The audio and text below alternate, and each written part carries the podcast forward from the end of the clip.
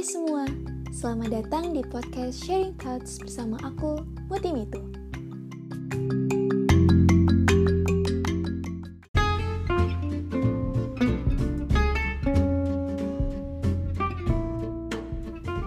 Kali ini, aku mau bahas tentang perkembangan psikososial atau sosioemosi anak usia pertengahan, sekitar usia 6-11 tahun. Nah, aku mau ngobrol juga bareng seorang bunda dan adik yang kebetulan usianya pas banget nih. Yuk dengerin obrolan kami.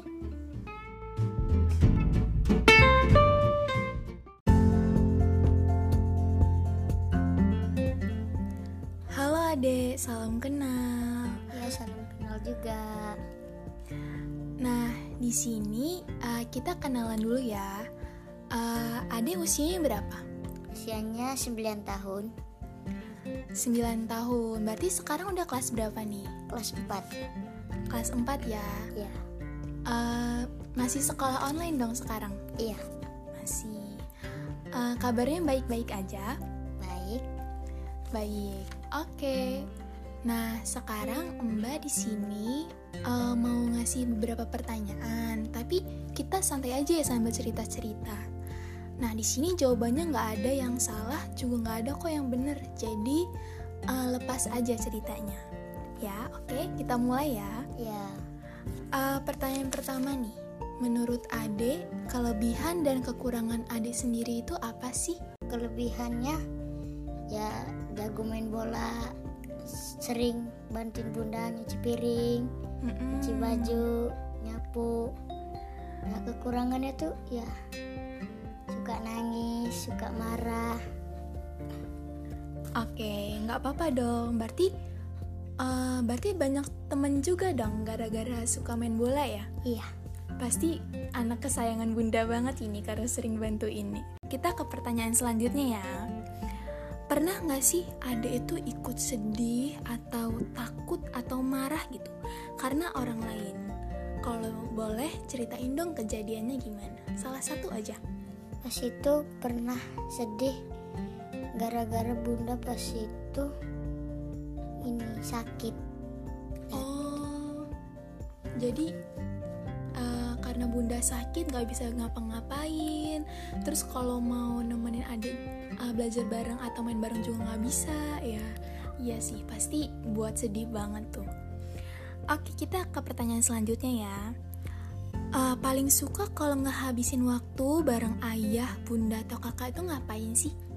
ya kadang-kadang nonton TV makan bareng di luar makan di rumah terus sholat bareng Kita ke pertanyaan selanjutnya. Em, Bunda pernah nggak sih dek marah? pernah pas itu gara-gara nggak bol adik nggak boleh keluar terus adik marah dan bunda juga ikut marah Hmm, jadi awalnya karena adik nolak gitu ya. iya Abis itu akhirnya bundanya ikut marah. iya Oke, em, terakhir nih, ada nggak sih dek yang mau disampaikan buat bunda? Boleh rasa terima kasih atau eh, rasa kesel juga boleh atau harapan. Ya, gimana? Rasa terima kasihnya sih udah ngebesarin adik sampai segede ini Hmm, terus rasa marahnya ya lain kali bolehin adik keluar sholat bareng main bareng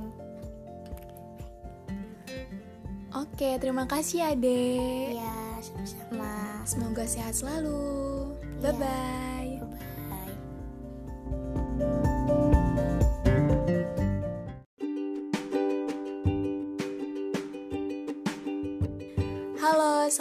Bunda. Salam kenal kembali Mbak Ah, bunda apa kabarnya nih? Baik-baik aja nggak? Alhamdulillah baik-baik aja Kita kenalan dulu ya. Jadi kan sebelumnya aku udah nanya-nanya nih sama Ade. Jadi eh, Ade itu anak keberapa? Ada itu anak kedua Eh, Anak bunda ini ada dua Mhm. Yang pertama kakaknya itu kelas 6 SD sekolahnya Oh gitu. Nah, Bunda ini termasuk ikut uh, kerja juga kan selain ibu rumah tangga. Mm-mm, ya benar. Kerjanya di mana? Eh, Bunda ini karyawan rumah sakit swasta. Kita masuk ke pertanyaan pertama. Jadi sebenarnya Ade itu orangnya percaya diri nggak? Eh, percaya diri sih. Percaya dirinya dalam hal apa? Contoh uh, kejadiannya gimana tuh?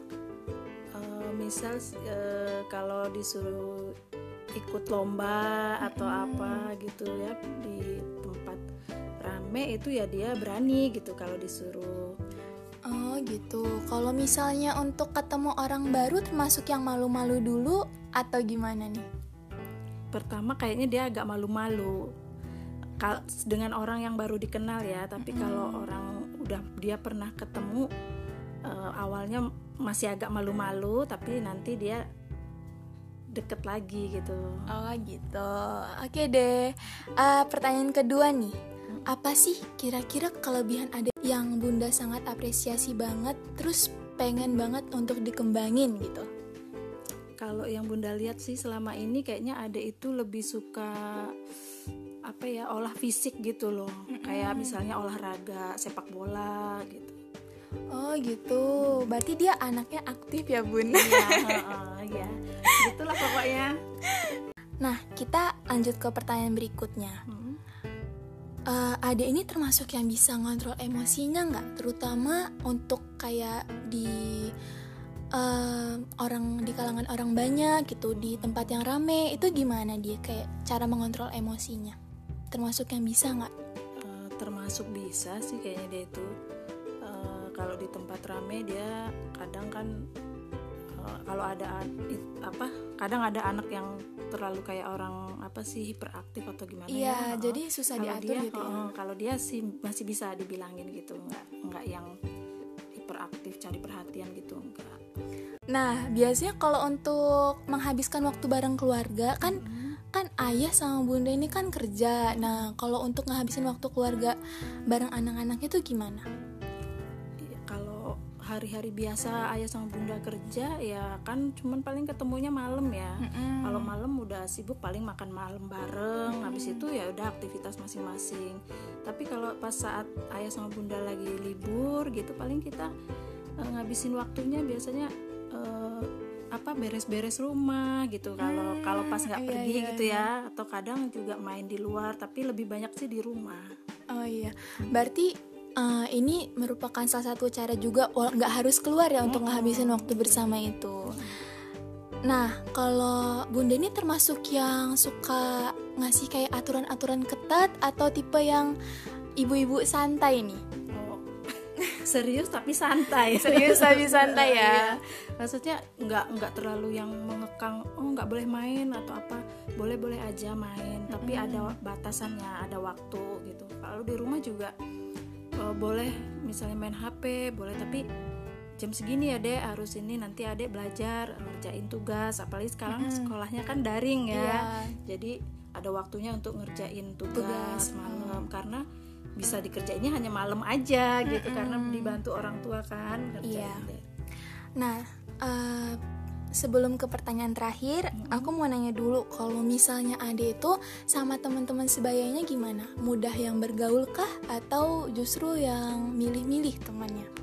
kalau masalah temen kayaknya dia sih nggak milih-milih ya karena bunda lihat di deket rumah ini sekeliling maksudnya teman-teman dia di Iya. deket rumah itu dia mau berteman sama siapa aja dia nggak milih gitu dengan siapa saja dia bisa berteman kayaknya Oh, Oke, kita ke pertanyaan terakhir. Ada nggak sih yang mau disampaikan buat Ade?